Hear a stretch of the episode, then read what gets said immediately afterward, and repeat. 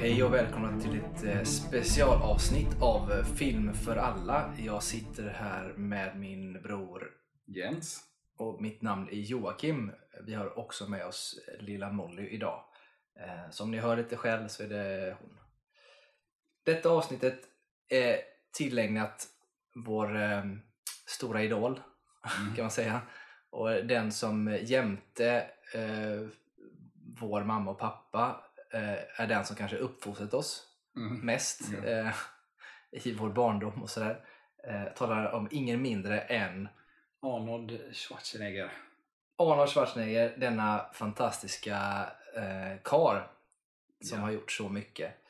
Föddes 1947 i en liten by Tal i Österrike eh, den eh, 30 juli. Och han har ju då från, eh, för er som inte känner till, vilket jag tänker att alla gör egentligen, eh, så finns ju en Arnold-dokumentär för det första i tre delar på Netflix. Den tycker man absolut kan se. Ja, som vi Eh. nämnt förut tror jag till och med. Vi har nämnt den förut och pratat om den eh, och vi kommer att eh, liksom säkert komma in på vissa saker som varit i den dokumentären. Så att vi, men vi kommer inte rabbla upp jättemycket mer om Arnold så sätt utan vi kommer djupdyka i, i de topp 10-listor som vi har gjort båda två eh, Mm. på hans filmer.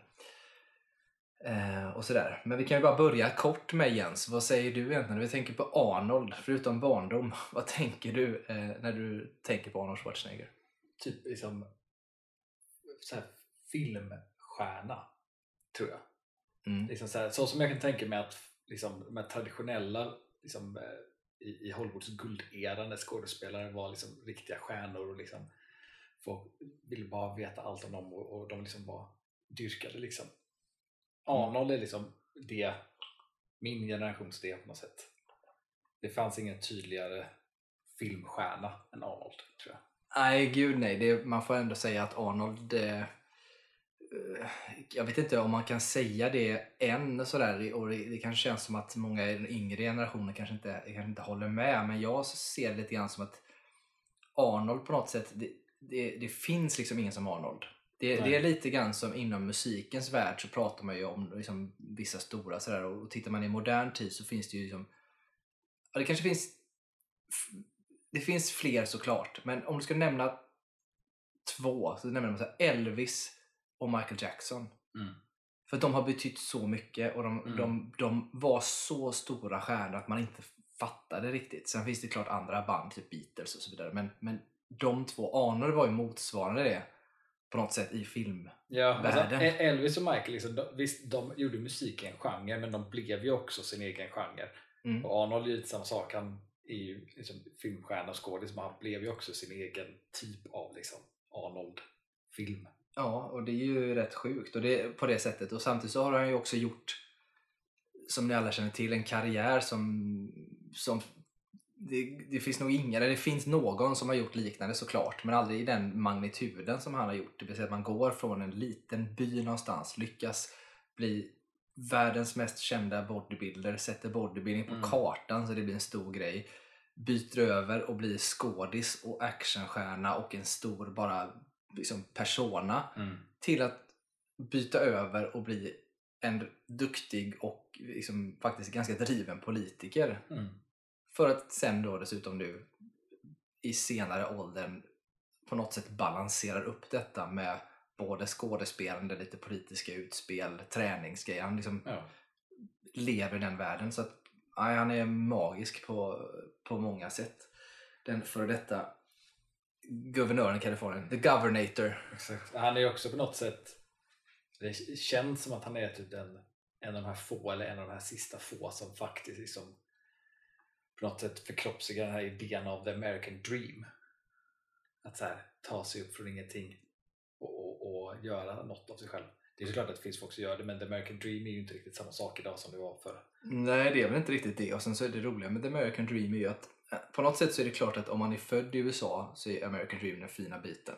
Mm. Men jag tänker så här historiskt sett så kommer ju ändå The American Dream från eh, när du hade till exempel som Sverige, när många utvandrade till USA för Mm. att man ville skapa sig ett liv och en, en dröm, The American Dream där borta. Och han har ju verkligen liksom förkroppsligat den Mm.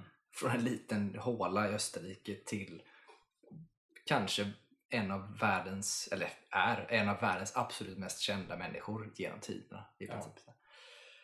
Nej, mycket bra, intressanta saker har han gjort. Ehm, det finns ju mycket man kan säga om honom också rent så här skådespelarmässigt. Han har ju generellt sett, det kommer vi komma in på när vi går listan, men man kan ju också säga så att han är ju inte liksom, tränad skådis på något sätt. Han har ju Nej. tagit kurser och lite sånt såklart när han först kom upp och Ja. kanske så, men, men han är ju inte tränad på det sättet och han är ju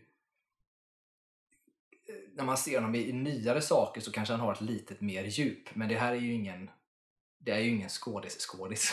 Det är ju mer en persona liksom. Han är, han är ju i princip samma person i nästan varje film kan man säga. Ja, han, han är inte vad man brukar kalla på svenska för att här, en, en, en dramaskådis. Det är inte riktigt liksom... Jag, vet inte, jag tror att det håller också lite med att han inte tar sig själv på stort allvar. Liksom. Att, att han, är, han, vet, han vet vad som funkar för honom och han är duktig på att använda sig av det.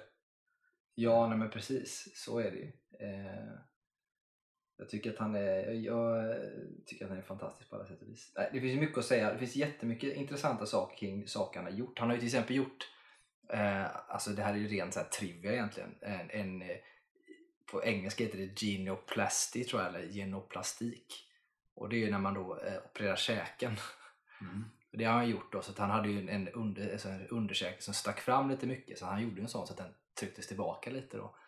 Däremot man kan se från tidiga filmer och sen att senare filmer så ser han inte riktigt likadan ut längre. Sådär. Och det är ju spännande varför man väljer att göra det. Jag tyckte att han var charmig med den där eh, liksom underkäken på något sätt.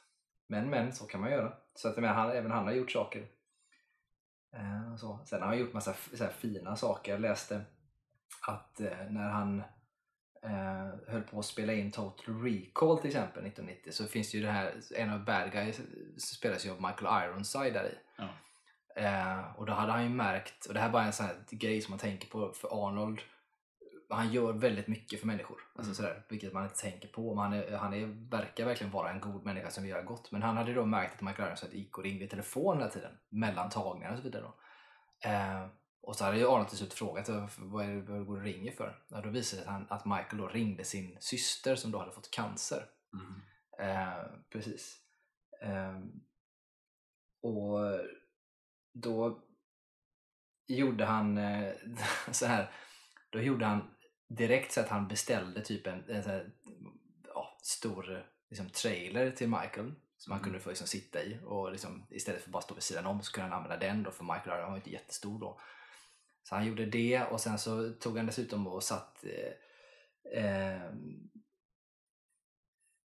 eh, hade ett, ett långt samtal med hans syster Mm. om så här, typ, hur hon ska typ, träna och hon ska äta rätt och sådana saker för att upprätthålla någon form av styrka då, Mm. i, i kampen då, mot eh, eh, cancer och sådär. Och det är liksom ändå bara, bara en liten grej och en fin sak som man ändå har gjort då, på något sätt. Eh, tycker jag. Ja. Det säger en del. Man har ju hört många sådana anekdoter från folk han har arbetat med som har, har massa sådana berättelser av så här fina gester han har gjort. Ja, det finns väldigt mycket sådana saker. Det finns ju mängder av olika så här spännande, för han har ju också varit på gång till, till massa sådana här eh, andra filmer som man inte känner igen. Han skulle till exempel spelat eh, Robocop på tanken. Men det tackade han nej till, vilket är, är tur på ett Ja, sätt. ja. För att Peter Weller då, som spelar Robocop är ju Ja. en liten kar som då får plats i dräkten. Eh, hade Arnold spelat Så vet- en tank. Ja men undrar hur de hade gjort då för då hade de ju inte kunnat ha den rustningen på honom på något sätt. Då måste det bli någonting annat. Eller han hade blivit så jävla stor i alla fall. Ja, Eh, på något sätt. Och sen så ska han ju tydligen ha spelat i eh, Full Metal Jacket så finns det en karaktär som heter eh, Animal Mother där. Eh, och den skulle han också spela tydligen.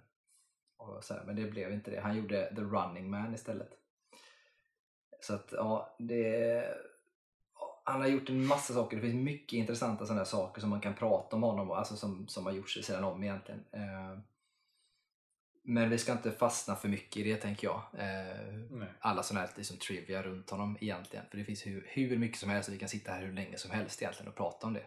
Ja. Vill ni Eh. veta lite mer trivia kan ni gå tillbaka till tidigare avsnitt där vi pratar om Arnold-dokumentären för där nämner vi också en del. Ja, precis. Och det finns ju mycket saker som vi kan gå igenom eh, eh, på honom. Som till exempel att han tydligen har svart bälte i taekwondo. Eh, vilket är sådär, hur fan går det till? Eh, Ja. eh, och även att han har högt IQ. 135 IQ tror jag han har, vilket är relativt högt.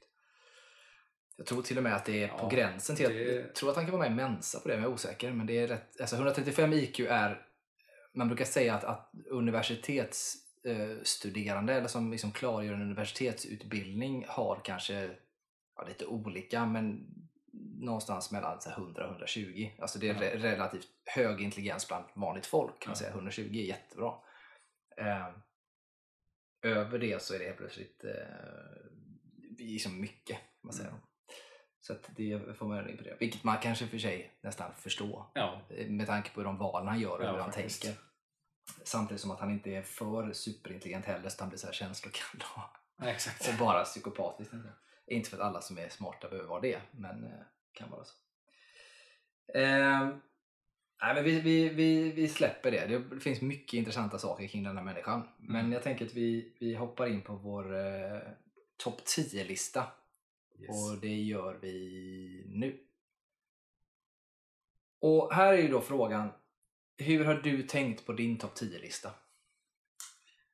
Jag har tänkt lite som jag brukar göra med topp 10-listor, så här lite blandning av vad, liksom, vad, vad filmen betytt för mig, eh, liksom hur mycket nostalgi jag har till den. Eh, men också liksom försökt vara lite objektiv och liksom se faktiskt så här kvalitetsmässigt, alltså filmer man ska titta på så här, vilka film är liksom lite bättre liksom, berättad i sin struktur, vilken film gör, han liksom, gör han den bästa insatsen i och i vilken i liksom, när funkar den rollen han gör bäst i kontexten till berättelsen och så vidare. Så att det är lite blandat av olika. Mm. Jag har ju tänkt nästan lite likadant så egentligen. Jag har ju tänkt delvis eh, delvis har jag tänkt på vad, alltså vad jag känner för dem. Alltså vilka tycker jag är bäst. Och det är så här på något sätt eh, rent så här, vil- vilken jag har tagit med så här, vilken ser jag helst om Mm. oftast. Men jag har också tagit med, så här, inte bara utan jag har också tänkt lite grann så här, vad, vad den filmen eventuellt har betytt för, för liksom resten av Mm. liksom, filmhistorien eller filmvärlden. Eh, och liksom, om filmen kanske har fått liksom, bra kritik, alltså Mm. lite extra. och ja, Så lite så här blandat som vanligt ska jag säga, en blandning av känsla och, och eh, liksom rationalitet på något sätt i det. Eh, mycket känsla ska jag dock säga att det är. Och sen så är det som vi pratade off-podd att i princip så är det eh, alltså, listan är så, han har inte gjort så många filmer egentligen. Så det som är, som är så säga, bra film. Eller, eller så. Eh, han har också gjort mycket skit som man inte så knappt kan ha med på en topp 10. Liksom, sådär. Men det, på något sätt så hamnar vi då i eh, att den här listan i princip, man kan typ shuffla den i princip. Så, Ja, men det är väl lite det att han, han har gjort han har gjort rätt många filmer som är liksom, där hans roll är snarlik. Så att det blir liksom lite att döma dem likadant. Så att det är många som hamnar typ på samma nivå. Um, sen så har väl jag lite också här, vissa filmer hamnar ju på en viss plats för mig för att då är det liksom hans roll och filmen i sig som tillsammans blir svinbra. Sen är det några filmer på listan jag har med som att jag kanske inte tycker att filmen är super, super, super bra. Men Arnold gör någonting bra i den tycker jag. Alltså hans roll i den är väldigt bra. Så att det Mm. liksom är ju hans roll jag typ försöker bedöma. Ja, det kan man nästan säga. Det är nog en bra, ett bra, en bra utgångsläge för att förstå listan. Att det är, när man har listan framför sig nu så handlar det mest om hur bra Arnold är i filmen. Mm. Sett till att filmen också är bra. Alltså också är bra, men det blir som ju bättre filmen är, ju bättre Arnold är i filmen, desto högre upp på listan kommer den typ. Är Arnold bra i filmen och filmen är sådär så kommer den kanske lite längre ner på listan. Mm. Och tvärtom kanske Ja. på något sätt. Eh, med det sagt så kan man fan shuffla den här listan. Möjligtvis att topp två, topp tre kanske ligger kvar som de alltid gör. Mm. Men resten kan du nästan switcha över. Ja, lite Lite olika så. Men eh, vi hoppar direkt in då på nummer eh, 10. Varsågod. Vad har du satt på nummer 10? På min nummer 10 så är det komedin Junior. Mm. När Arnold blir gravid. Mm. Den är väldigt mycket nostalgi för mig.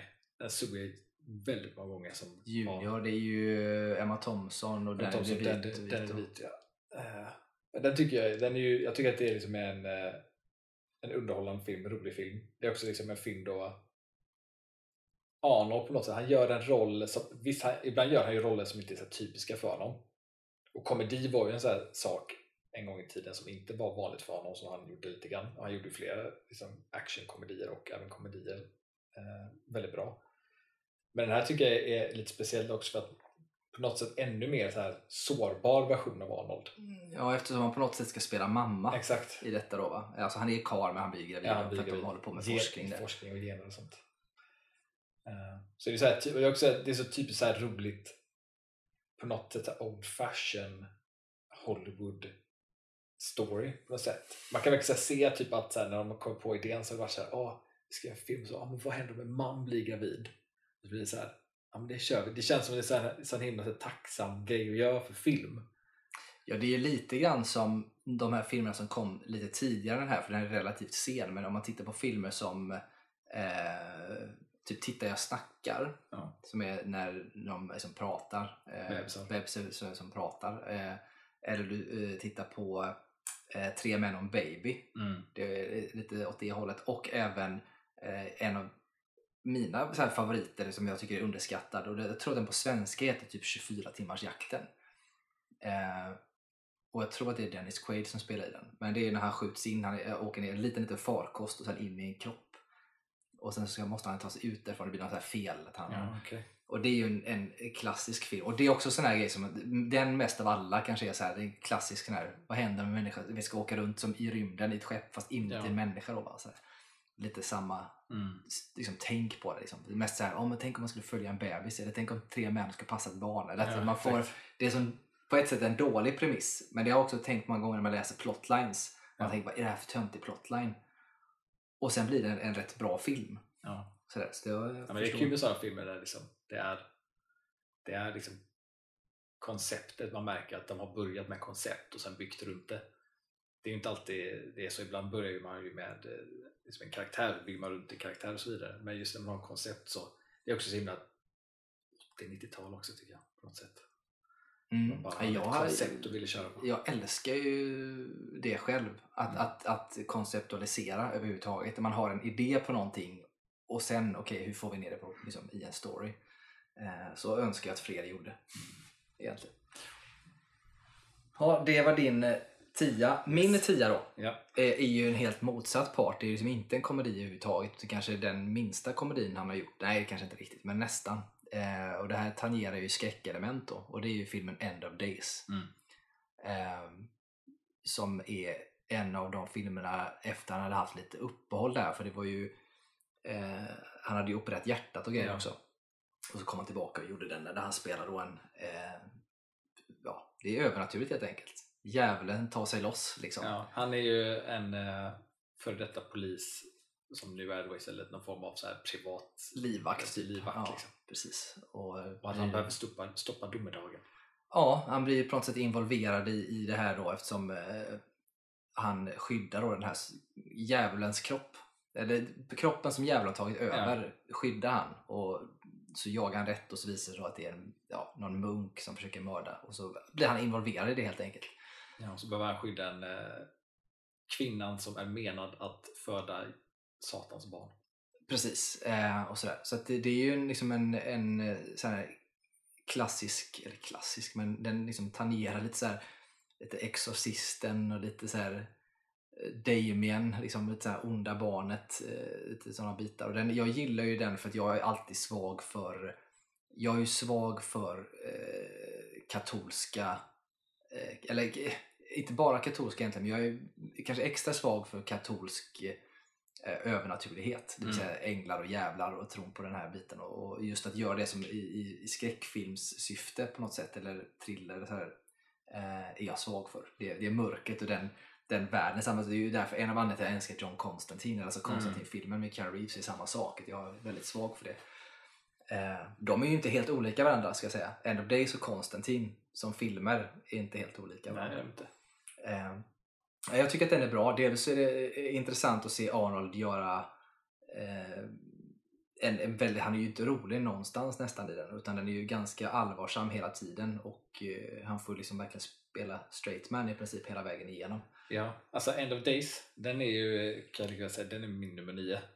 Eh, och anledningen till varför den är det för mig, där tycker jag filmen i sin helhet, jag tycker filmen är rätt bra. Jag tycker inte att det är liksom en av de så här starkaste filmerna som gjorts på något sätt så. Men det är hans roll i den som jag tycker liksom utpräglar den gentemot annat han har gjort. För att det här är en av de få filmerna Dels är det ju en av de få filmerna där det faktiskt har religiösa teman och sånt Mm. på det sättet. Men sen också är det en av de få där Arnold spelar liksom en vanlig människa. Han är liksom inte, för må- många gånger när han är med i filmen så är han ju alltid liksom Eftersom att han är stor och är actionhjälte och allt det där så är han alltid vet att han kan ju alltid göra action som är lite övermänskligt liksom. Men i, i End of Days finns inte det med alls. Det finns liksom, det, det är ett sånt bra exempel på det i filmen är när han liksom blir påhoppad av ett gäng som liksom människor som är satansdyrkare liksom, och de går på honom och han liksom ly- lyckas ju slå bort några stycken men det blir för mycket och han blir överväldigad och så förlorar han den fighten. Och hade det varit Arnold i en actionfilm så hade inte det varit ett problem att ett gäng går på honom. Han hade ju tagit sig därifrån. Mm. Men eftersom att han ska spela en vanlig människa blir liksom, han är mer utsatt och det tycker jag är, är väldigt intressant. Och Mm. också en av få Arnold-filmer på något sätt där han inte, ska man säga, vinner dagen. Alltså han vinner ju dagen men Men ändå inte. på något sätt. Nej, men jag håller med dig och jag tycker att den är intressant. Sett till vad han hade gjort innan denna filmen så, så är det ett ganska stort skifte och jag tycker att det blir väldigt intressant. Han spelar dessutom plågad för jag tror både hans barn och dotter, alltså mamma, sin fru och dotter har ju gått bort på verkligen vänster. Ja, de blev ju mördade av ett uh, inbrottsgäng. Ja precis och det är ganska brutalt man följer det. Det är inte så här jättemysigt. Och det är, jag ska säga att det är inget dju- jättedjup i det heller så men det är ändå fruktansvärt på många sätt och han spelar Ja. liksom plågar i det och gör det rätt bra. Så det är liksom ändå någonting annat man är van att se honom vid. Och så här. Och det finns ju bara som mysigt när han vaknar upp i sin äckliga lägenhet på liksom första grejen han gör i den filmen. Och han går upp på morgonen och har inget att äta och lägger Ja. i så gammal pizza, lite allt möjligt i en sån här blender och lite Ja. whisky och öl i. Och sen Ja. så dricker han bara det när hans polare, vet så här, för han är ju man ska ju förstå att han är ja, liksom, verkligen on the fringe kan man säga på att leva Ja, överhuvudtaget exakt. på något sätt. Eh, så att, ja, jag tycker att eh, den hamnar där. Sen så är det klart att eh, det kanske inte är en film man alltid ser om sig jättemycket. Om man, liksom, det, om man är på rätt humör kan man se om den. Mm. Men jag tycker den är bra i alla fall. Och du sa att det var på din nummer Det var 9. min nummer nio, så kör din nia. Så att, då tar vi min nummer 9. Och här var det en som jag har valt ehm, lite, lite svårt för det var liksom flera stycken här som jag ville sätta in. Och så fick jag till slut bara välja en. Eh, och den här sätter jag in stor del av nostalgiska skäl. För jag minns fortfarande när vi typ såg den här hemma i soffan med mamma och pappa. Typ första gången. Eh, och man satt, eh, liksom satte på den, tittade på den och tyckte att den var rolig och bra och så vidare. Sen är den kanske eh, av, gentemot resten av filmerna kanske inte lika klassisk eller någonting sånt där men den har, den har gjort väldigt mycket och en, en klassisk underhållande Arnold-film. Och det är ju då eh, True Lies. Mm. Eh, han då spelar en, eh, en agent, eller han är CIA-agent och eh, ja, det blir lite strul då eftersom hans fru är lite trött på Hon fattar ju inte att han är CIA-agent utan Nej. han är ju någon form av eh, det, datorförsäljare eller vitvaruförsäljare eller vad han nu är Mm. och åker runt massa. Hon tröttnar på det livet liksom, man är inte hemma och hon vill ha lite spänning i vardagen och sådär. Så att hon börjar ha, hon har ju inte riktigt en affär men hon träffar lite grann en snubbe som säger sig Ja, och så börjar han efterforska det här då. Och sen Mm. så går allting fel och de hamnar i problem och behöver ta sig ur då. Eh, de blir involverade i, i hans uppdrag så att säga. Ja. Och det är lite roliga förväxlingar där eftersom hon tror att, att han är oskyldig, han har hamnat där av något annat. Jag vet, så hon, Ja, hon tror, tror, ju att det är hennes fel. Ja, för att hon blir som indragen då, för han lurar henne och tror att hon kommer vara en agent Ja. för att han ska hämnas och jäklas med henne då. Och sen ja, samtidigt då så får de här bad guys tag på Arnold och så tror ju hon låt honom vara. Vet, jag, det är lite roligt. Så det är lite roliga förväxlingar. Jamie Lee Curtis är bra i, i den rollen. Um, Så att jag tycker bara att den, den är liksom, det finns inte så mycket att säga om den egentligen. Den är liksom en, en sån halvklassisk Arnold-rulle som ändå är en av de kanske senare filmerna där som kanske inte riktigt håller lika hög kvalitet som många av de andra. Men jag, jag tyckte att den, den är liksom trevlig och mysig, den kan man absolut se om då och då. Ja, alltså jag, jag gillar True Lies eh, väldigt mycket och, och tycker att det som gör den bra för mig är att jag tycker den i sin helhet är väldigt bra. Det är ju James Cameron och han är ju en duktig filmskapare. Eh, men jag tycker också att den har en bra balans av att, att den så lätt hade kunnat bli en Arnold-rulle. Mm. Men den är mer än en James Cameron-film med Arnold i, så det är liksom ett bra användande av Arnold.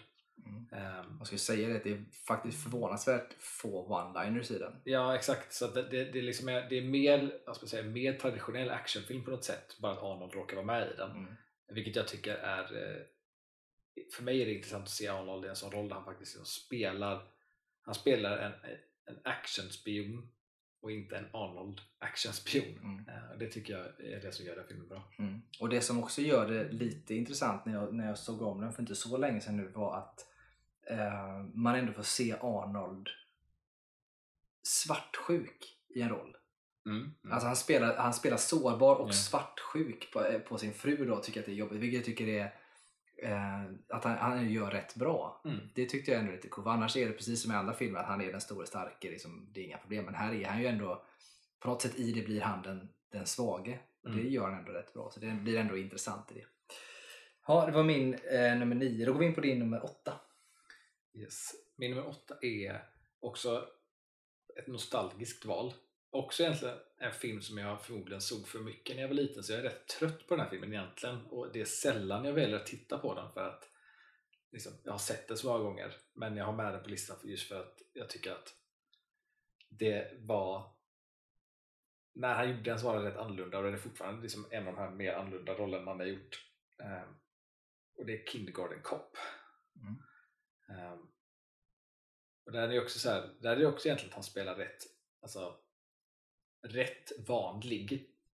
Men det är ändå lite så här över, överdrivet liksom. Men eh, där är också på något sätt, där, där visar han liksom mer, mer sårbarhet i den rollen än han kanske annars gör. Att liksom här, på vilket sätt han bryr sig om vad hans liksom, mål, att skydda den här, hitta barnet i klassen och skydda från den här hemska pappan och allt det där.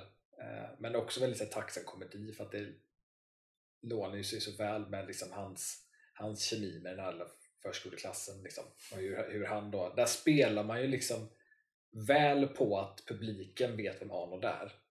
Så alla är med på så här, vad händer om vi sätter Arnold, Arnold i en sån här situation. Mm. Ehm, vilket jag tycker är väldigt kul och väldigt bra och gör filmen till det den är. Och samtidigt den finns ett visst, visst liksom djup i den. Alltså det, man drar sig ändå in i den, man bryr sig ändå och jag tycker att slutsekvensen av den här filmen är jävligt bra. Mm. När allting går upp så. Jag håller med. Jag har eh, också denna på min lista men inte än. Mm. Eh, Så eh, vi kommer till den sen. Men det som jag gillar, som jag tycker de gör rätt bra i den är att det, det är få filmer som går över från att, från att vara i princip en, en thriller Mm. till att bli en komedi med drama till Mm. en thriller igen. Till det igen, ja. Och det gör den rätt bra. Ja, att, ja, att den byter genre och gör det så pass smidigt och bra dessutom. För att i början så är det ju trill, alltså verkligen en thriller och man känner, att det är så brutalt på något sätt. Mm. Alltså, och, och verkligen liksom så. Sen så plötsligt förvandlas det till den, den här komedin med barnen. Mm. Och det lånar sig ju väl när han kommer dit att man förstår och är van att se honom som den, kanske man ser det i början Mm. mer, en hård actionhjälte, den typen.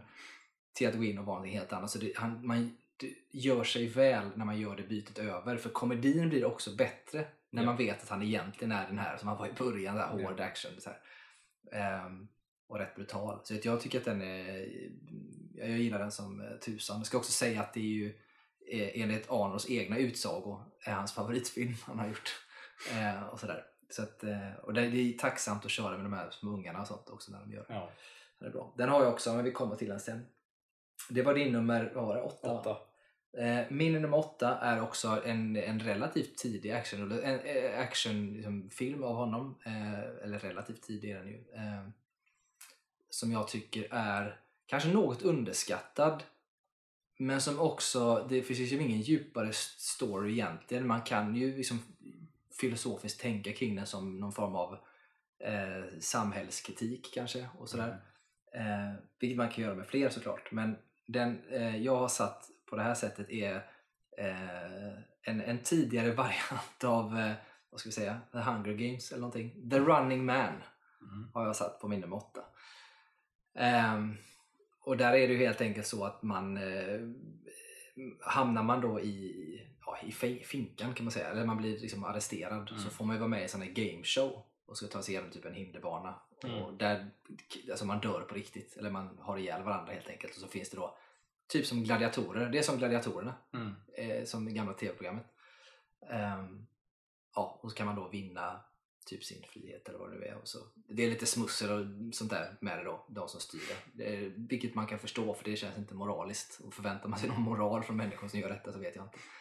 Men jag tycker ändå att den är, den är liksom underhållande. Det finns one-liners, det är liksom Arnold på något sätt i sitt esse. Ehm, och det är egentligen bara massa action att ta sig från det ena till Det det är väl andra. också en av hans typ tidigaste filmer? Ja, den, den är rätt tidig ja. Ehm, den är liksom in, ja, den är tidig, den är liksom innan han blir innan han blir riktig. eh, Ja, det är väl innan han liksom är, är, är Arnold-filmstjärnan. Liksom. Ja, lite så är det. Så den, eh, den görs det. Den görs, han gör någon innan har jag för mig och sen någon efter. Men den här liksom gick lite under radarn tror jag. Och den är ju fortfarande idag ganska, jag tycker att den är underskattad. För jag tycker att den är ganska underhållande och, och bra. På det sättet. Och det är verkligen brut, brutal brutal action. Så här, alla Arnold, fast med glimten i ögat hela vägen igenom. Mm. Så jag tycker att den är skitbra. Så det var min nummer åtta. Yes. Då har vi din nummer sju. Eh, och på min plats nummer sju är det den klassiska The Predator. Eller Rovdjuret på svenska. Det är också så här, det är väldigt mycket nostalgi. Den såg man ju också kanske för sig lite, jag vet inte, jag var ju också väldigt ung när jag såg den. Det är så här, jag kommer ihåg att jag såg den väldigt många gånger när jag var liten. Så blir man så samtidigt, det är ju ändå en rätt alltså, läskig film egentligen. Så det blir så här, ja, konstigt att- jag såg den flera gånger kanske. Men eh, det är en sån där film som eh, det är bra sci-fi film liksom. Eh, eh också en sån här film som har ett så himla intressant koncept, vilket man såklart märker som det gjort så många uppföljare eh, med samma idé. Men det är också så här, där, där för mig är liksom Arnold typexemplet av vad Arnold-filmstjärnan, actionhjälten är. Där, där är det liksom testosteron och det är liksom muskler och det är eh, män gör vad män kan. det är väldigt, väldigt liksom för, för den tiden.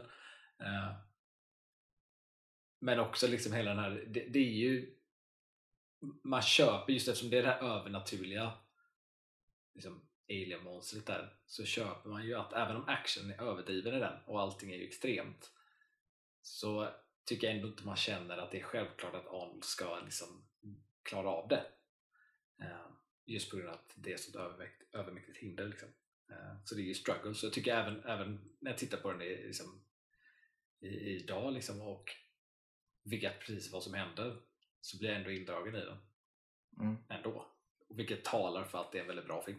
Ja, men den är väldigt bra. Den är bra, inte bara han, utan alla är bra i den. Mm. Och det, man vet ju också massa grejer bakom den, hur, och det har vi pratat om innan, men eh, alltså det har hänt så mycket liksom, skit bakom den. Eller skit, alltså de klarar sig, men de, de hade det svårt när de spelade in och det var jobbigt, det var tufft. Och de bytte ut skådis, Jean-Claude Van Damme som skulle spela ett rovdjuret, alltså själva monstret, i, sa ju nej och fick skita. Han är med i en grej Mm. i filmen när han är fortfarande osynlig i den här, man ser han springa förbi typ den första gången man ser och då ser man att det inte är samma dräkt.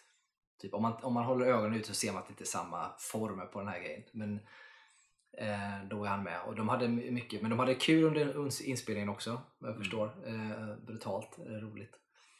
Eh, och träna och pumpa och hade sig. Ja, den är bra och det är bra regi för den skapar ju spänning. Det är sjukt bra musik Mm. i den. Alltså de använder det väldigt, väldigt väl. Eh, och väl på de punkter där det inte behövs musik. Men det är liksom hela tiden en anspänning. Jag gillar ju det de, de kom på den här idén på att eh, för det var lite grann så att vet, Alien och Aliens hade liksom gjort så här. Vet. Mm. Och så ville man ju göra Ja, det här var inne nu med så utomjordingar, som några som kämpar Ja. emot. Så de, de sa att vi behöver göra en liknande. Så, vi, så arbetsnamnet var ju typ Aliens in the Jungle.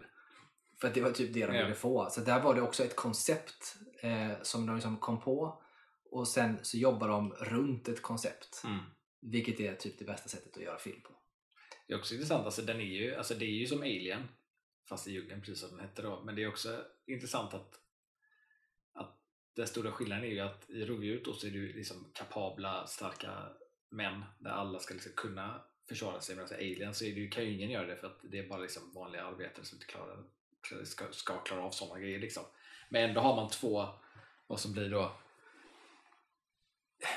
huvudskådisar som, och, och hjältar slash hjältinna som eh, man hejar lika mycket på oavsett Mm. utgångspunkterna liksom, i storyn. Och här hade det varit, det hade varit lite, nu, det är också lite kul också att det ändå blev så att det blev ett delat universum mellan dem sen. Att Aliens och Predators alltså blev Ja, ja, samma ja. universum. Och jag har fortfarande inte hört någonstans om att det är liksom, det har man inte liksom retconat, man har liksom inte tagit bort det utan det är lite så här halvaccepterat att de typ är i samma universum. Mm. Eh, vilket jag tycker är lite roligt. Men jag, det som hade varit, det går ju inte för att det utspelar sig i helt olika tidsåldrar. Men det hade varit coolt att se Arnold och alltså Sigourney Weaver Ja, i en team-up. exakt. Liksom. Men det, det går ju inte. Men det hade varit mäktigt. Ja. Tänker jag. Ja, men den är bra. Den är också med någonstans på min lista. Och det var din nummer sju va? Ja. Eh, Min nummer sju är ju kanske, kanske den mest klassiska och typ den första stora rollen han fick och det är Conan the Barbarian. Ehm, den är ju, det är mycket nostalgi för mig där som jag, när jag såg den var liten. Den är, den är ju brutal och den är, är otäck och det är liksom en Arnold som, som knappt kan prata engelska på den här tiden. Mm. Utan liksom får lära sig, man, man, man hör det, man förstår det. Men så är han så här stoisk hjälte, har inte så mycket lines men då blir det one-liners. Alltså, byggt på det sättet och eh, vi har alltså en sjukt, alltså det är bra, tycker ändå att det är en bra story, den engagerar, det är ändå bra liksom, effekter för den tiden. Arnold är, är, är, är cool och eh, bad guyen är vidrig. Mm. Liksom. James Earl Jones. Ja, Darth Vader eh, rösten ska man säga då, inte skådespelaren, men Darth Vader rösten, James Earl Jones spelar den här eh, vidriga eh, antagonisten då som tillhör någon form av sån här Snake, eh, liksom, han är präst, eh, Ja. religiös armé snubbe liksom. Ja, alltså den scenen när han eh, hugger av huvudet i slutet på honom. Mm. Den är liksom för evigt etsad i mitt minne. Ja, den, eh, den är ju där. Och det som etsat i mitt minne är hans fula jävla hår. James Earl Jones alltså. För Mm. det är, alltså han är så brutalt ful. Ja. Men han pass, det passar så väl. Han, han, Alltså det han, han känns som en sektledare. jag har känt som en sektledare och de har så här transformations på när han typ ska bli en orm. Eller vet, så här, Mm. och det gör de så väl med han. För han ser typ ut som en orm. Lite grann. Alltså det blir, så- han blir så jävla bra. Den, den för mig är den, som kanske den mest klassiska Arnold-rullen egentligen. Så Ja. den hamnar på min. Den, den hamnar nästan med på min lista, men har den precis utanför. Eh, Ja. för den, den för mig är främst nostalgi. Det är också en sån här film som egentligen känns som att jag förmodligen såg alldeles för tidigt. Ja, det är Antagligen. säkert. Ja, men, Eh, ja. men jag såg också jätteofta, jag var liten, jag kommer ihåg, jag såg den väldigt ofta liksom sent, för den gick ju sent på TV. Mm. Eh, Men det är så här, den är... Och, och filmen är väldigt bra. Det är bara att jag, jag är sån här... Det är liksom inte toppfilm Arnold just för att jag tror faktorn är att det är så tidigt eh, och är det hans första film och sånt där. Eh, Men samtidigt så är, det, är den ju ändå så pass bra att ingen liksom... De försökte göra en remake med Jason Momoa där och den kom ju inte ens i närheten av att vara lika. Nej, och sen så gjordes ju alltså Conan the Destroyer gjordes ju efter, eller den här som det är ju nu, gjordes ja, det är ju med Arnold. med, Den är helt med okej. Arnold och den, den är helt okej ja, men den har sina brister. Ja. Första är bättre, Ja. helt klart. Eh, mycket bra, liksom coola träningsmontage från tiden. Jag tycker att den är bra. Det är också den filmen som man kan säga, den ändå launchar hans karriär på något sätt. Ja. Eh, i det. Så jag har med den. Eh, Jag, jag tycker den är fortfarande väldigt bra. Bra, bra. Din är nummer sex då? Sex då. Eh, det är också en sci-fi film. Ehm, och det är ju den här eh, Total Recall. Och den, är också så här, den, den tycker jag är på något sätt för mig en, en perfekt blandning av nostalgi och en väldigt välgjord film. Mm. Ehm, och på något sätt, jag vet inte, den balanserar upp det så himla. det- Den är intressant också just eftersom att Arnold, det där är också en tid då jag tycker Arnold gör så många filmer som är så typiska liksom Arnold-rullar. Och så är det en regissör som jag tappar namnet på nu. Ja, ja, du tänker på eh, Paul Verhoeven ja. Ja, Paul Verhoeven. Eh, och han, hans filmer är ju så himla så här, tydliga för att vara hans filmer. Så att på något sätt är det så intressant med Total Recall för den känns verkligen som en, en Paul Verhoeven-film. Men den känns också som en, en, en rätt klassisk Arnold-film samtidigt. Det är som att inget av liksom överväger varandra utan de jämnar ut sig rätt snyggt tycker jag. Ehm, och jag vet inte, på något sätt så här, på, på ytan så känns det så här, hade, hade, det varit, hade jag liksom varit liksom den ålder jag är nu när den skulle komma ut så hade jag nog tyckt liksom så här, ska Paul Verhoeven göra en film med Arnold? Det känns ju inte som att det ska funka. Men att det funkar så jäkla väl. Uh, jag vet fortfarande inte riktigt hur de lyckades få det att funka så väl men uh, det är en väldigt bra film. Uh, väldigt också här, en sån film där man liksom hem, kunnat hämta många memes när det kommer till Arnold efterhand. Ja, gud. väldigt liksom, intressant. Också sådär film på samma sätt som liksom, den har ju också gjorts på nytt, den Total Recall. Där är också där, Farrell, ja. där är också där. Den är liksom inte riktigt lika bra som Arnold-versionen på samma sätt som den nya Conan var inte lika bra som Arnold-versionen. Uh, Nej. Det känns lite som att... Pro- jag vet inte vad man säga problemet är med för det, det är en annan tid nu så det är nog svårt att göra sån typ av film. För att både Conan och även Total Recall med Arnold gjordes ju ändå med, eh, ändå med glimten i ögat på ett helt annat sätt. När du tittar på Jason Moores variant så är ju den, han är ju stenseriös. Liksom. Ja. Det är ju en seriös film och man försöker ha någon liksom, djupare story och lite stakes och sådana saker. Och, och sen Total Recall med, med Colin Farrell, jag tycker att den är lite underskattad ändå. Jag tyckte inte om den första gången jag såg den, men så har jag sett om den lite grann och tycker ändå att den är, är helt okej. Eh, men den är för mig inte Total Recall Nej, exakt. eh, överhuvudtaget. Nej, den hade lika gärna heta någonting annat och Ja. vara någonting annat. Men jag vet att när de pratade om att göra den så var det så att de, ja, men de skulle hålla sig mer till typ hur alltså novellen var. Alltså det finns ju noveller baserad på. Så eller så, och att de skulle göra det men samtidigt så gjorde de ju om konceptet och tog bort alltså, saker. Alltså Mars var inte Ja. med på samma sätt längre utan det var att man åkte genom jorden, vet de här bitarna. Ehm, och försökte liksom lägga, jag, jag vet inte, de försökte väl göra den mer jordad kanske på något sätt. Liksom grounded. Och Ja. det tycker jag inte behövs när du gör en sån film egentligen. Nej. Alltså, de ville väl också hålla sig från att göra en, liksom en remake på Arnold för det visste de aldrig skulle gå. Nej. Sen var det lite Eh, mer, det kan jag i, i förstå. Arnold-versionen är det också mer upp till tittaren på något sätt att avgöra själv om vem, vem Arnold egentligen är. Mm. Alltså om han är den vi först presenteras för eller är han en agent? Är allting fake? Liksom, det är ju väldigt mer subtilt och väldigt mer så här avgör själv medan i uppfölj eller den här remaken är det ju mer tydligt vad som är vad. Ja, och jag tycker också att, alltså där är ju, ska man säga, det är Paul Verhoeven i och för sig som jag älskar som regissör, men han gör ju, han tar ju ändå de här bitarna som jag tror också menas i många av böckerna också för den delen ska jag säga, men även i Starship Troopers och Robocop och sådana saker som han gör så tar han ju även i Total Recall då och gör en, ganska, jag tycker att det är en tydlig samhällskritik Ja, och en överdrivenhet Ja. i det, vilket gör att det blir så mycket bättre Ja. på något sätt än när man försöker göra det liksom för subtilt och Mm. för sådär. Så nej, jag tyckte att eh, nej, men Total Recall är bra. Den är med på min lista också, någonstans. Bra val. Eh, det var din nummer Sex. sex va? Ja. Då är det min nummer sex. Och min nummer sex, eh, återigen, nu kommer man ner på de här som jag tycker blir, blir jobbigt. Man sätter dem på olika, men man får ju tänka lite grann på vad jag själv och vad det kanske betytt och så vidare. Då, va? Här kan lika gärna haft högre också. Men det här är ju eh, kanske en film som gjordes lite för tidigt. För den slog inte som den borde ha gjort. Eh, men den är ju, det här filmen är en, det är en metafilm Mm. av Arnold. Eh, och det är ju då The Last Action Hero, Mm. den sista actionhjälten på svenska. Eh, som jag vet floppade kanske att ta i, men den gick inte bra när den kom. Nej, det är ju sånt, det är ju vad vi lärde oss i efterhand när vi såg Arnold-dokumentären. Ja, och jag För att minns jag ju... blev så himla förvånad Nej, över det. jag minns ju det också från när den kom när man var rätt liten också att det inte att, att det blev så här svag, svaga, svaga minnen av att jag vet att det som pratades om att den inte var liksom, kanske riktigt bra och sådär. Jag tycker dock att den är svinbra. Jag tycker Alltså, att den är jättebra. den, den är skitbra. Den kan som sagt lika gärna hamnat högre upp på listan också. För att det är ju, sen att den är lite tidig är ju för att han är inte klar med sin karriär än. Alltså det är lite grann så här, film han har velat göra, det är några filmer efter han gör sen hade han kunnat göra denna så liksom för att knyta ihop säcken på något sätt med den delen av sin karriär. Ja. Men, det är lite det man, eftersom den är så meta och det, så, det handlar om att man ska liksom man ska liksom göra ett skämt och satir av actionhjälten Arnold Mm. så är han liksom, han är ju actionhjälten Arnold, det är han ju vid den tiden men det är samtidigt, han är ändå liksom mitt i den tiden.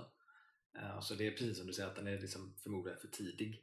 Eh, och att folk förväntade sig, kan jag tänka mig att de skulle se en liksom Arnold actionfilm och Mm. inte en satir på Arnold actionfilm. Nej men det kanske är lite så. Folk kanske inte hade humor på den tiden Nej. på samma sätt. Men jag tycker att den är skitrolig för att det är verkligen att driva med sig själv och hela film, alltså den filmvärlden egentligen som, som han befinner sig i. Men ändå tar filmen, det är en satir men den tar ju sig själv på allvar vilket jag tycker jag uppskattar. Den, Ja, ja, och det är ju den är ju, skitbra. liksom, det, det finns ju ett hjärta i filmen. Ja, ja. den, det finns Det komedi, det. den är rolig, det är bra action. Ja, och det blir eh, liksom bra liksom, stakes i den. Men det är just, kanske folk hade svårt också för det är ju ändå lite magi med i filmen. Alltså, Ja, eftersom, ja. Så här, och det kan ju folk ha svårt för jag älskar ju det. Jag tycker att det blir så jävla bra, framförallt i, i, i slutet när eh, döden från Ingmar Bergman-filmerna Ja, ja. kan gå runt på gatorna. Ian McKellen. Sjukt bra. Ehm, Men det, ja, att det, roliga med det också är ju att Last Action Hero är ju första gången jag introduceras för den versionen av döden. mm, Eh, och sen då insåg vart det kommer ifrån i efterhand. mm. Eh, så jag lärde mig om Ing- Ing- Ingmar Bergman på grund av Last Action Hero. Mm. Eh, men det är också att den filmen är ju lite en hyllning till, till film också. Alltså Ja. på många sätt. Det, men det är mycket bra saker i den. Men det är också Arnold, det är någonting med när Arnold gör filmer när han spelar mot typ barn, eller flera barn. Det är väldigt bra. Ja, det, han, kanske, han var då, dåtidens Pedro Pascal. Exakt. Typ. Ja. Ja. Ja, men det blir en bra dynamik på det sättet mellan honom och så. Men det är ju för att han är stor och stark och lite så här, du vet, kan vara den här vuxna actionhjälte, eh, liksom snubben. Och samtidigt så får man då barn som är lite oskyldiga i så det blir en kul dynamik Ja. däremellan. Sam, lite samma dynamik som man har med, med typ Danny DeVito i filmerna. Ja. Att det blir som motparten Mm. som är något helt annat än vad han själv är. Och så där. Den är eh, helt klart eh, en, en favorit hos mig. Och jag älskar ju sådana här saker som bara att när de liksom, i den här filmvärlden så är Terminator, då är det Sylvester Stallone Ja, som spelar Terminator.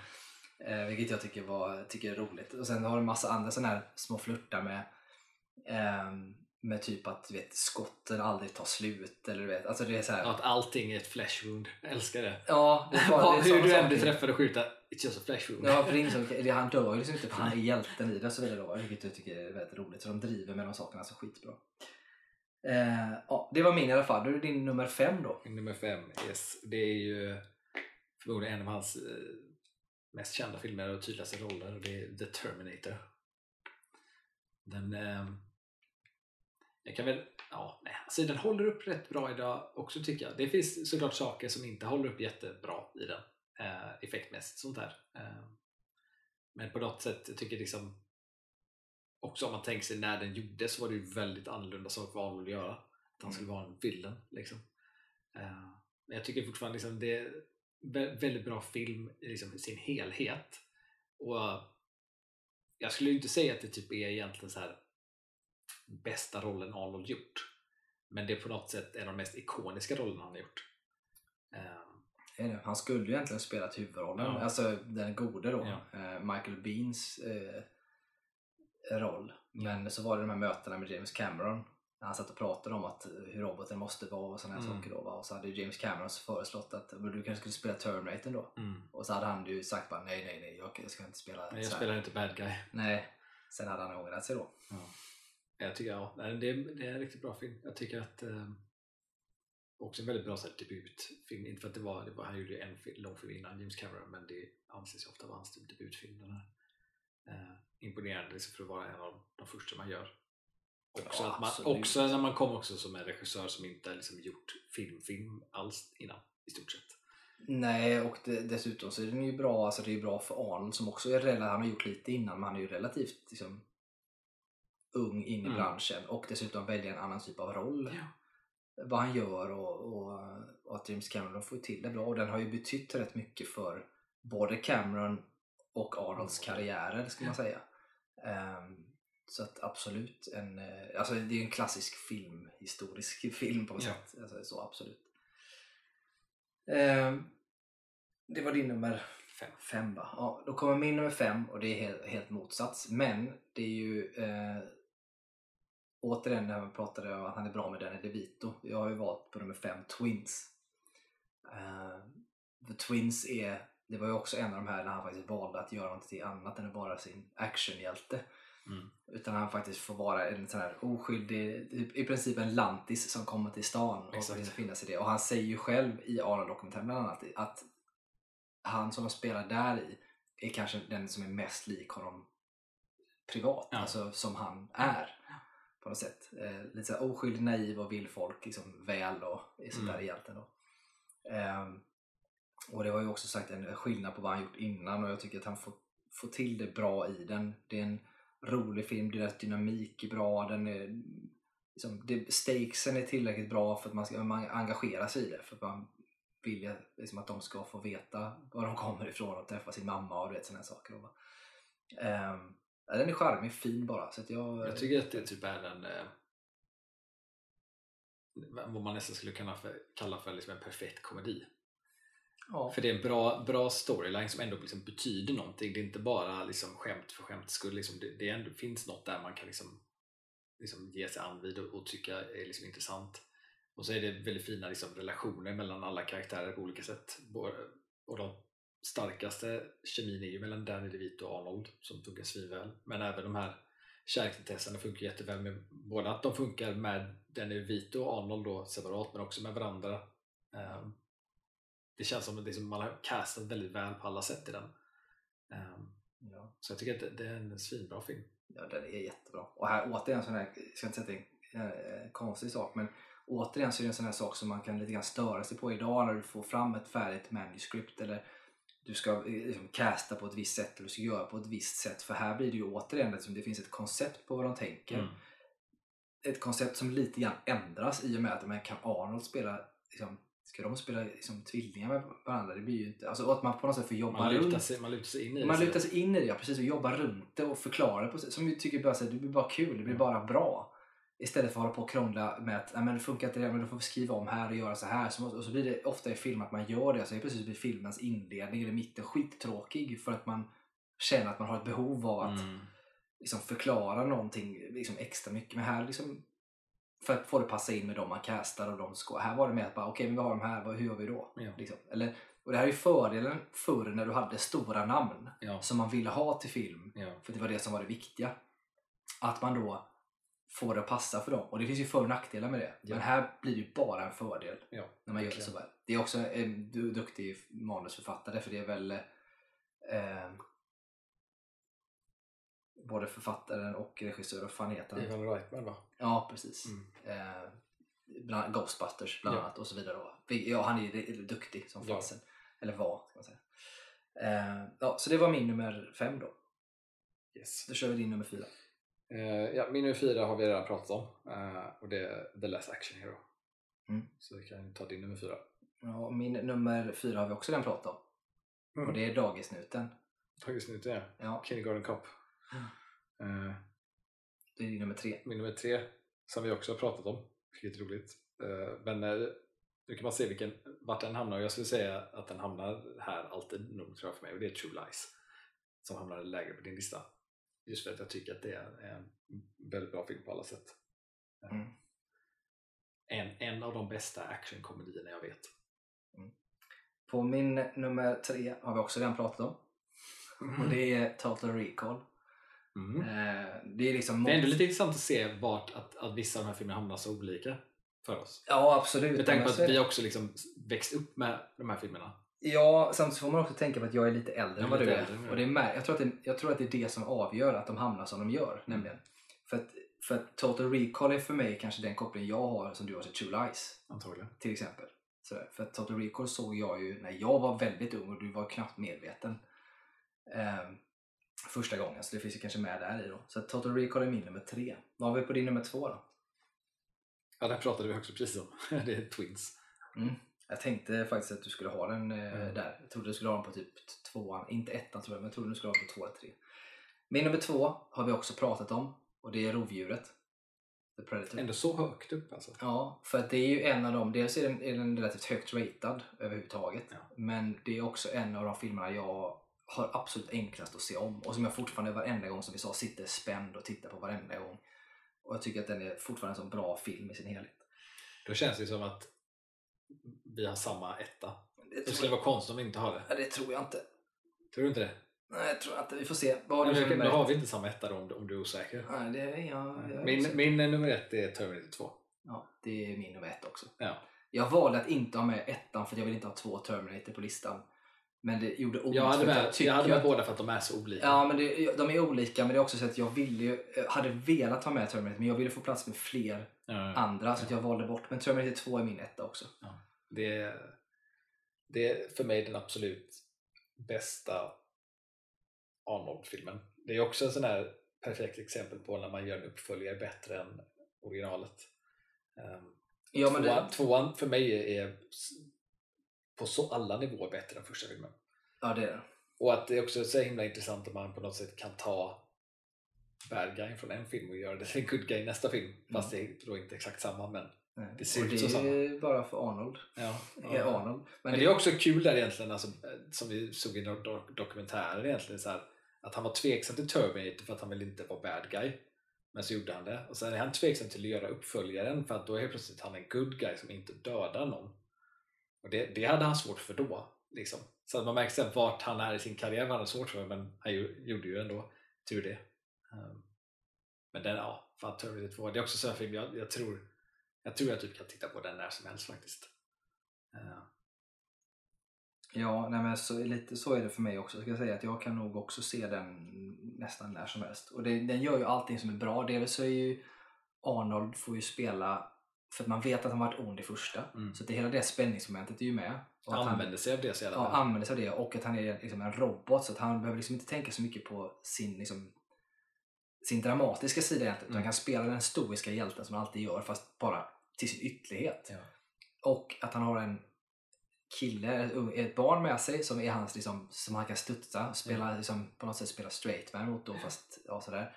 Och dessutom en allvar, alltså det är liksom som en komplett Arnold-rulle på alla sätt egentligen. Få med det och one-liners med. Mm. Det är jävligt bra stakes och storyn känns liksom engagerande.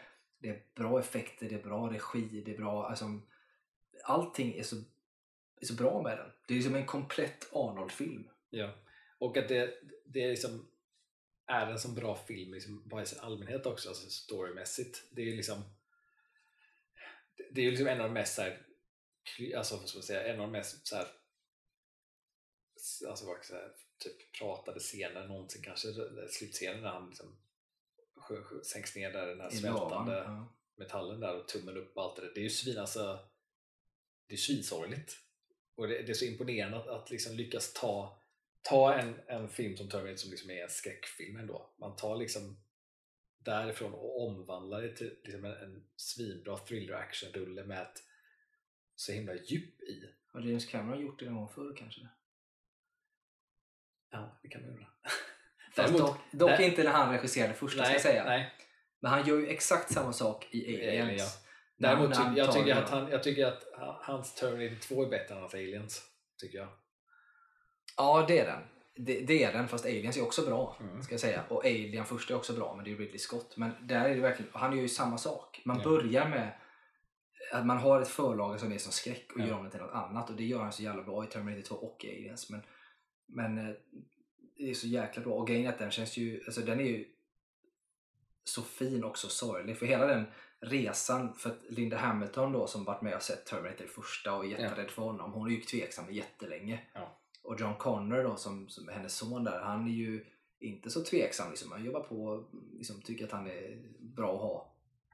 Eh, men sen så är det på något sätt ändå att hon vänder ju i detta. Mm. Ja, det, är så, det är så bra. Liksom. Jag det är bra. Jag, jag, jag gillar också för att jag ehm, det kommer ju ut en sån en förlängd version. Det är inte jättemycket längre. Det är bara några enstaka grejer med som inte var med i teater liksom, eller filmversionen som släpptes. Men den här förlängda versionen tycker jag ju om ännu mer eh, faktiskt när jag tittar på den. Eh, specifikt för att jag tycker att den har med en scen som fördjupar så himla mycket mer hela storyn kring eh, hur den maskinen blir det han blir. Mm. För i originalfilmen så blir det ju bara att han lär sig mer och mer och mer och så blir han mer, vad ska man säga, in quotes, mänsklig typ och börjar uppleva känslor. Men i den här förlängda versionen så är det ju en scen med när de faktiskt eh, tar bort ett chip i huvudet på Arnold mm. som är det som gör att han kan börja adaptera sig och lära nytt och inte bara göra som han gjort. Och det, efter det, den punkten i filmen, när den scenen har varit med, det är då han börjar bli mer och mer mänsklig så att säga och bryr sig mer för att då kan han bry sig. Um, så den scenen tycker jag är väldigt nice och att den scenen är, snyggt gjord. Jag, kan tänka mig att det måste gjort ont i Cameron att ta bort den scenen för att det är så här typexempel av så bra bara filmskapande. För där är det så här i scenen, Perfect, ja. i scenen så sitter Arnold mot en spegel Mm. eh, så är John Connor och Sarah Connor på varsin sida av honom Mm. och så ser vi deras eh, spegelreflektioner. Men där är det ju så närmast kameran bakhuvudet är ju en docka av Arnold så Mm. sitter Arnold på andra sidan och spelar reflektionen. Och sen så har vi en, en body double som håller huvudet bort från kameran i spegeln för John Connor och så tror jag vi har riktiga John Connor i förgrunden. Mm. Och sen så har vi eh, Sarah Connor i spegelbilden och hennes tvillingsyster i förgrunden. Mm. Vilket också är så här smart använt bara. Och, och vet man inte om detta så är det så jävla snyggt gjort. Och du tänker inte på en sekund Nej, nej, nej, att, att gud, det är fake. Du bara, Nej, du bara tror det. Och det är det så snyggt just eftersom att man ser i bakhuvudet hur långt in de går in. Ja, ja, men det är skitbra gjort. Och det är ju, framförallt så är det då att Linda Hamilton har en tvillingsyster som ser likadan ut som räddar hela den så att Ja. man kan göra det troligt. Och det är det som gör det så jävla bra. Så det är ju smart sätt att tänka i. Jag undrar hur, man fick reda på det. Att James Cameron fick reda på att hon hade en tvillingsyster. Han måste ju typ fått reda på, men henne kan vi använda här eller något. För hon är ju inte skådis i sig egentligen. Nej, alltså ja, ja, han måste väl säkert fått reda på det under inspelningen någon gång. Alltså, ring hit henne, liksom, hon får liksom 500 dollar för en dag. Liksom, eller så här. Men, Jag är fortfarande inte, jag är, alltså, jag är inte förvånad att den är bortklippt eftersom att man vill ju ha ner det till viss tid och sånt. Eh, speciellt runt den tiden när man vill få in så många filmer på en dag och kväll som möjligt. Men samtidigt så här, den filmen tycker jag gör väldigt mycket för storyn så jag är också samtidigt lite förvånad att den är borttagen. Ja, det, är, det är lite spännande att den är det. Framförallt när det inte handlar om så mycket mer tid heller som det faktiskt ger till Nej. att ha det extra. Eh, ibland kan man ju förstå, men så, så kan det gå. Nej, det är en bra film. Har man inte sett den så ska man se den. Alltså jag skulle bli förvånad. Träffar jag någon som inte har sett den då eh, tror inte jag att jag kan vara vän med den. Det är också så här, Terminator 2 talar också så mycket för sig, liksom, sig själv som film just eftersom att ingen uppföljare har ens nått i närheten av det. Inte ens när Arnold har varit med i dem har de gjort det. Så det, den är ju verkligen speciell tror jag. Nej, och grejen är jag såg om eh, det var inte så länge sedan jag såg om Terminator Dark Fate som är den absolut senaste som gjordes. Med, jag kommer inte ihåg vad, vad hon heter som är huvudskådisen, men det är den absolut senaste i alla fall. Det är när Linda Hamilton Ja, är tillbaka. ja, det, Dark Fate ja. Mm. Ja, det är tillbaka. Och det är ju de- den första som, alltså man, man, då vet jag man sa så här, men gör vi den här, alltså den är ju typ som en, en uppföljare på tvåan kan man säga. Ja. Typ, alltså de låtsas om De att låtsas inte om att de andra Nej, de har inte funnits utan man gör det som en typ av uppföljare på tvåan. Och den, jag tycker att den är okej. Det är den som har kommit närmast, Ja precis. tycker jag. Och den, den kommer närmast och den är okej. Mm. Det är liksom där liksom, jag kan säga att det, där går det. Den är okej. Eh, men det är fortfarande inte ens i närheten egentligen. Nej. Men sen har du liksom Terminator 3. Du har eh, Terminator Salvation. Salvation. och du har Terminator Genesis. Genesis, ja. Genesis är inte bra. Eh, Terminator 3 är inte heller bra. Eh, jag tycker Salvation faktiskt är helt okej. men det är inte heller en Terminator-film. Nej, exakt. Det, det, det, är liksom, det är den världen, Ja. men det är en annan story. Liksom. Det utspelar sig under liksom, kriget på ett annat sätt. Ja. Och, Sen är problemet egentligen, tror jag, det, det som gör den större skillnaden från 1 till 2, det är ju som, som vi sa förut att Cameron tar ju konceptet från den förra filmen och liksom vänder på det och gör det till något nytt. Medan alla andra uppföljare har egentligen bara varit upprepningar av tvåan.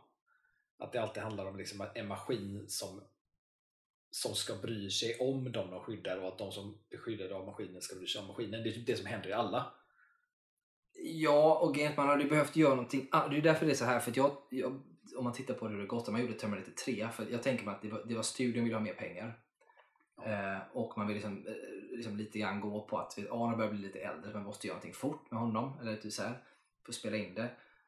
Och så gick ju inte den jättebra. Nej. För den, den var inte bra. Det fanns liksom ingen mer story att berätta egentligen. Men så hittade de på detta så blev det inte bra. Jag tror att det är Christina Loken som spelar eh, the bad guy. Alltså hon som Ja just det. Hon är, det som, är, som ska efter Hon är Terminatorn. Ja. Ja, och eh, den, den är inte bra. Sen så la man ju allting på is och var såhär, men vi gör inte mer nu. Men sen så är det någonstans både som du och jag känner och så är det någon som är typ vår generation, kanske lite äldre sådär.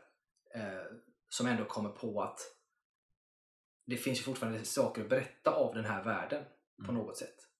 Och då tänkte jag, då kom man på att vi ska göra Salvation, för det är, det är något annat än vad vi har sett innan. Och därför tycker jag att den blev lite intressant. Den blev, liksom, på det sättet är den intressant och lite, lite kul. Eh, men det var den, det gick väl helt okej, det var väl inget sånt. Men sen så gör man ju då Genesis för att liksom ta tillbaka liksom göra, komplicera till saker och ting. Bara, här finns någonting att berätta. Fast den har inte heller någonting att berätta egentligen. Den, den blir bara, den försöker ju att hitta någonting mer att berätta från det som har gjorts innan. Med att man då gör en, en John Connor ond istället för att han blir övertagen av Ja, maskiner. Ja. Och det fattar jag, visst det kan man ju snurra till det men alltså, på något sätt så fortsätter ju allting i en oändlighet i Ja. det egentligen. Och det blir också massa så förklaringar i alla filmer. Så här, men i tvåan så dog de och gjorde de det här. Ja, men då har de åkt tillbaka ännu tidigare och gjort någonting. Eller, vet, det, blir, det är så här, Ja. släpp det bara. Och sen så var det som ett sista så här Hail Mary var ju när jag gjorde Dark Fate. Bara så, okej, men vi typ ignorerar alla andra. Eller behöver inte tänka på dem. Och så hoppar vi på vad slutar tvåan och så gör man Dark Fate. Mm. Och då tycker jag ändå att den var helt okej. Jag tycker nog att man kunde gjort den bättre, men den var helt okej. Ja, jag tycker det, det Dark Fate alltså gör, gör det, det som gör den rätt bra är egentligen tycker jag faktiskt att man ändå försöker göra någonting lite annorlunda eftersom att det inte handlar om John och Sarah Connor egentligen eh, utan att det handlar om några andra vilket jag tycker är, är jag tror att det, det är rätt väg att gå med en uppföljare för att jag tycker liksom det med Sarah och John det liksom har varit sin grej och sen är det ett smart sätt att använda Sarah på alltså i Dark Fate att, man liksom, att hon, hon fortsätter för det känns logiskt för den karaktären att hon skulle fortsätta kämpa liksom på det sättet Ehm, Ja, Men hon är ju jävligt cool alltså, i den. Hon, hon är ju riktigt bra i den. Alltså, så. Eh, tycker jag. Och jag håller med dig om att det är bra. De har ju tillbaka, Arnold är tillbaka och liksom, framförallt om man tittar på att om man hade behållit den här scenen så som du hade i, i eh, pratade om i tvåan Mm. med att man kan byta chip eller vet sådär Ja. åt det hållet eh, och förstått mer av hur de lär sig så kanske man hade haft mer och förstått varför Arnold Terminator i Dark Fate lär sig. Alltså det är Ja. lite sådär ehm, för det är lite spännande att han liksom finns och, och Linda Hamilton. För det visar sig att John, John Connor blev ju mördad för länge sedan. Alltså i, exakt i Dark Fate, vilket jag tycker är Dels tycker jag att det är en billig lösning för det är såhär, men då skickar jag bara tillbaka en till då. Jag vet så här. Mm. Men jag kan köpa det. Ja, men Men det är också, det är också på något sätt, alltså jag tycker, jag tycker att det funkar helt, helt okej i den just för att det blir Eftersom varje så Terminator, varje gång i slutet av en Terminator-film så liksom är ju framtiden förändrad på grund av att något har, de har skickat tillbaka tiden så de har ju förändrat sin egen framtid hela tiden och blir alltid en ny version av sig själva. Så alltså på det sättet blir det intressant på något sätt att, att även om de når då de här, vad heter de? Cyberdyne? Nej, vad heter de? Cyberdyne Systems heter Ja. ju... I tvåan i alla fall heter de det. Eh, Men även om de lyckas med det de vill lyckas med, att, att döda John Connor, så har de fortfarande inte säkrat sin framtid. Utan det är ändå någon som skickas tillbaka ändå. Så jag tycker att det, det är ett intressant koncept. Sen så togs det inte fullt ut och gjordes, den är lite, lite för upprepande av tidigare Ja, men lite så man kan göra bättre. Men, men vi ska inte fastna på Dark Fate i alla fall. Terminator 2 är den överlägset bästa. Mm. Innan vi eh, slutar dagens avsnitt så tänkte vi passa på att eh, lotta film.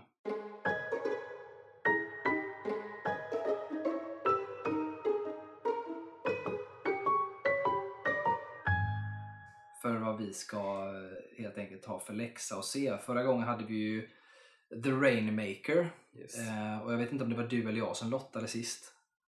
Jag tror det var du. Jag är inte säker. Nej, jag är inte heller säker. Det beror på om du vill lotta eller inte. Men du kan lotta. Jag vill lotta nu och så hamnar jag på Oh brother, where art thou? Det var ändå rätt länge sedan jag såg den filmen. Hamnar vi på. Ja, den här var det superlänge sedan jag såg.